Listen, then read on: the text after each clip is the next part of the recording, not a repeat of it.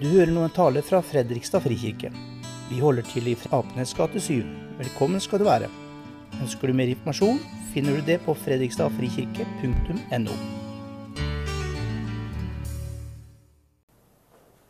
Prekenteksten i dag står i Matteus evangeliet 23. kapittel.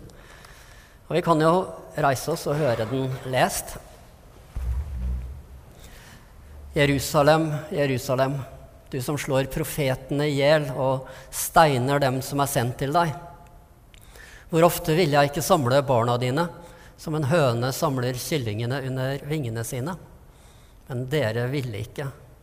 Så hør, huset deres blir forlatt og legges øde. For jeg sier dere, fra nå av skal dere ikke se meg før dere sier, velsignet er Han som kommer i Herrens navn. Amen. Dette er Jesus som eh, kommer til Jerusalem. Eh, og han merker vel i denne teksten at han er full av eh, omsorg. Han bryr seg virkelig om denne byen, disse folka som bor her. Han ønsker dem alt godt. Hvis vi hadde lest en tekst i Lukas evangeliet kapittel 19, som også snakker om Jesus som kommer til Jerusalem, så står det at han gråter når han ser byen. Og han gråter nettopp fordi at de ikke vil ta ham imot. Han sier du på, om du som på denne dagen visste hva som tjente til fred, men nå er det skjult for dine øyne. Jesus bryr seg om byen. Og her sier han altså at uh, hvor ofte ville jeg ikke samle barna dine som en høne samler kyllingene under vingene sine? Og Det er et veldig flott bilde. Men når Jesus sier det, så det, tar han ikke fram noe nytt eller sier noe som ikke har gjenklang hos de som hører det. For hvis dere leser Salmenes bok, så akkurat dette bildet med, med, med fuglen, med vingen, som gir beskyttelse, det er ganske mye brukt. Jeg har lyst til å vise dere noen steder her. Vi har litt problemer med denne viseren i dag, så jeg må gå litt fram og tilbake, virker det som. Der kom den.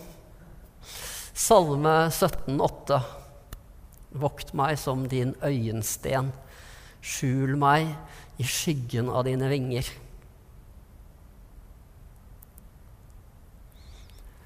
Salme 36, vers 8.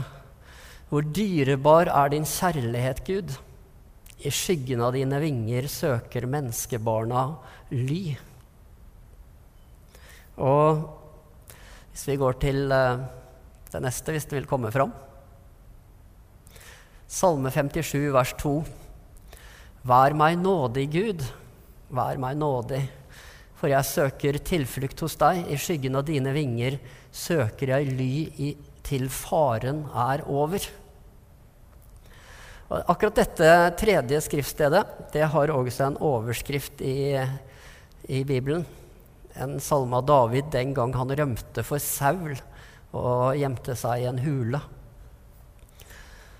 Denne historien er det kanskje Husker dere kanskje at uh, Saul og David de var i utgangspunktet veldig nært knytta til hverandre. Saul var kongen, og David han var den som var opp og fremadstrebende. Han var hærfører for Saul, og de var jo stadig i krig, ikke minst mot filisterne. Og David var den som vant mange store seire. Og så skjedde det da at når de kom tilbake til Jerusalem etter uh, en vellykka Eller tilbake til der de hadde sin hovedstad, det var ennå ikke Jerusalem, faktisk, så, så dansa jo kvinnene, og de sang, og de hylla David enda mer enn Saul. Så Saul ble sjalu og redd for at David skulle bli en som ville vippe han av tronen. Og dermed så ville Saul ta livet av David. Han ville drepe han. Eh, David hadde jo en bestevenn, Jonathan, som var sønnen til Saul. Og Derfor så fikk han vite det, og han rømte derfor ut i ødemarken. Og der ute så samla han seg en flokk med tilhengere.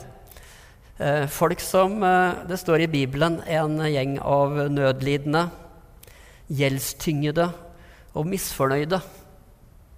400 stykker til sammen samla seg om David. Og de holdt ute i ødemarken, ørkenen der.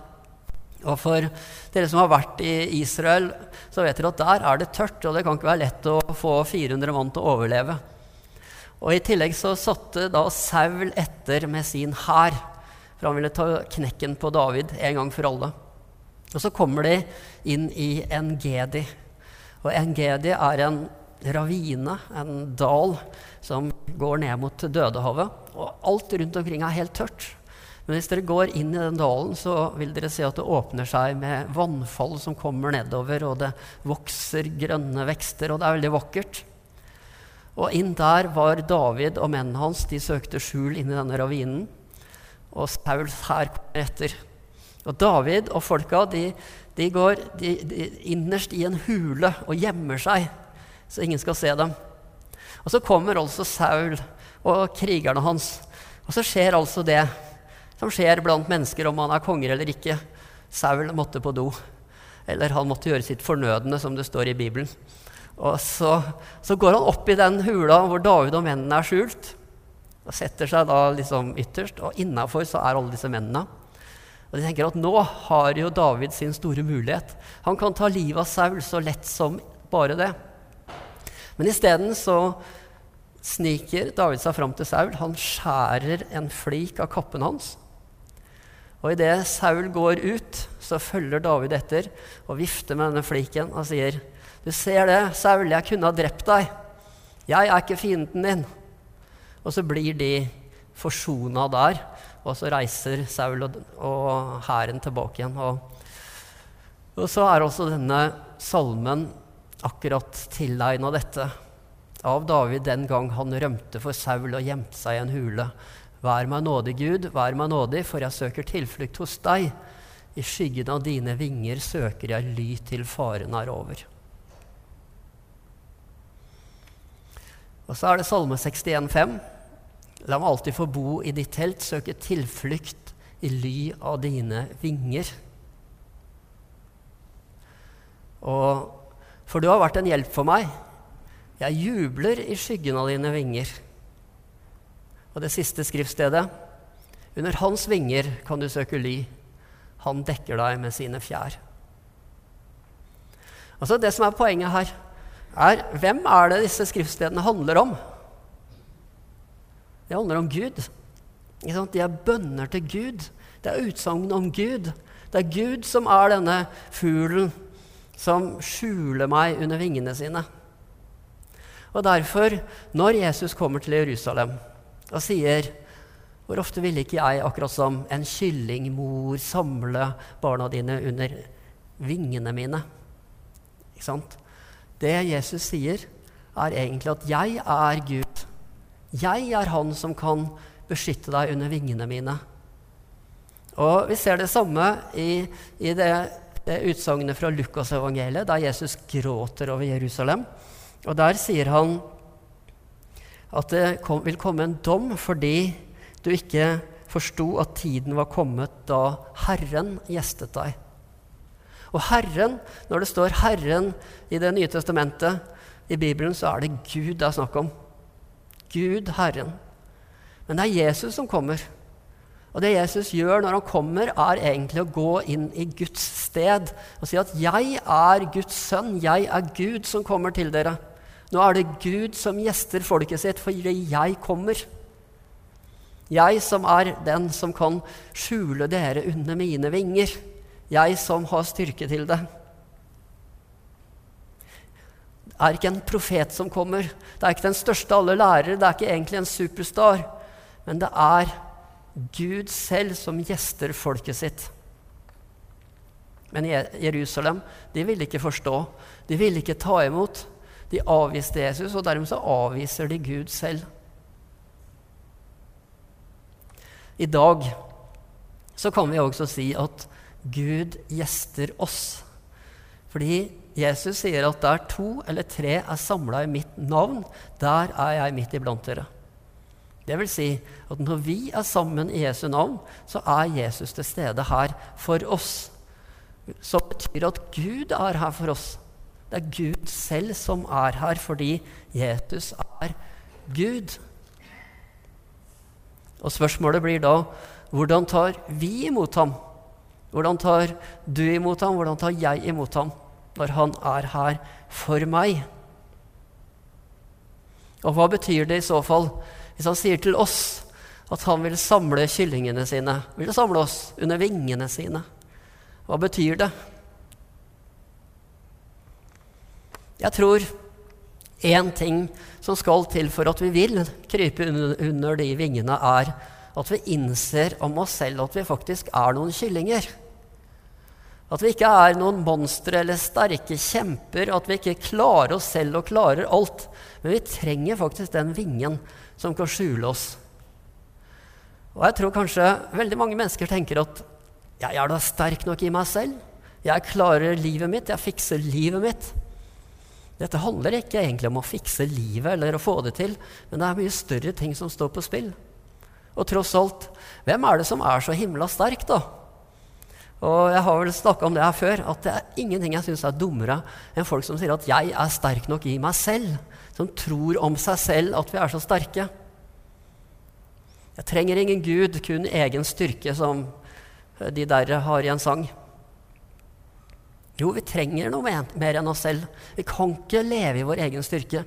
Mennesket er sårbart. Vi vippes av pinnen før vi vet ordet av det. Det kan snike seg et lite virus inn i kroppen vår, og vi er ute av spill. Vi er ikke sterke. I beste fall så får vi 80, kanskje til og med 100 år her på jorda. Men hva er nå det i den store sammenhengen? Altså, Samme hvor mektig du er, samme hvor rik du er, så er du et sårbart menneske. Så er vi alle sårbare mennesker. Og det må vi innse. Før vi innser det, så kommer vi aldri til Gud. For vi trenger ikke Gud, vi er jo Gud selv, vi er jo sterke nok i oss selv.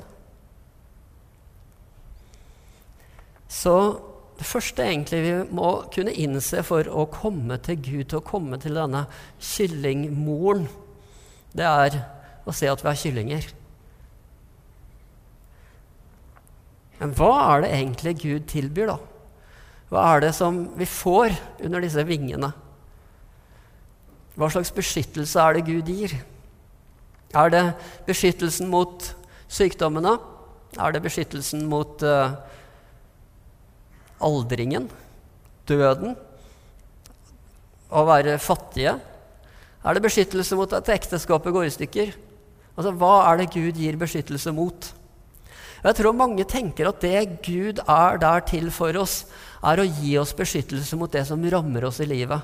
Så hvis vi rammes, så betyr det at Gud ikke er der, da. Er han ikke til å stole på? Hvis jeg leser Salmenes bok, så er det mye av det som også sies der. Gud, hvorfor sover du? Ser du ikke at jeg lider?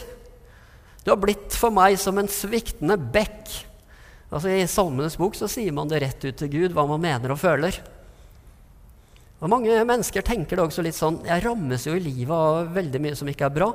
Hvorfor, hvordan kan det være sånn hvis Gud faktisk dekker meg med sine fjær under sine vinger?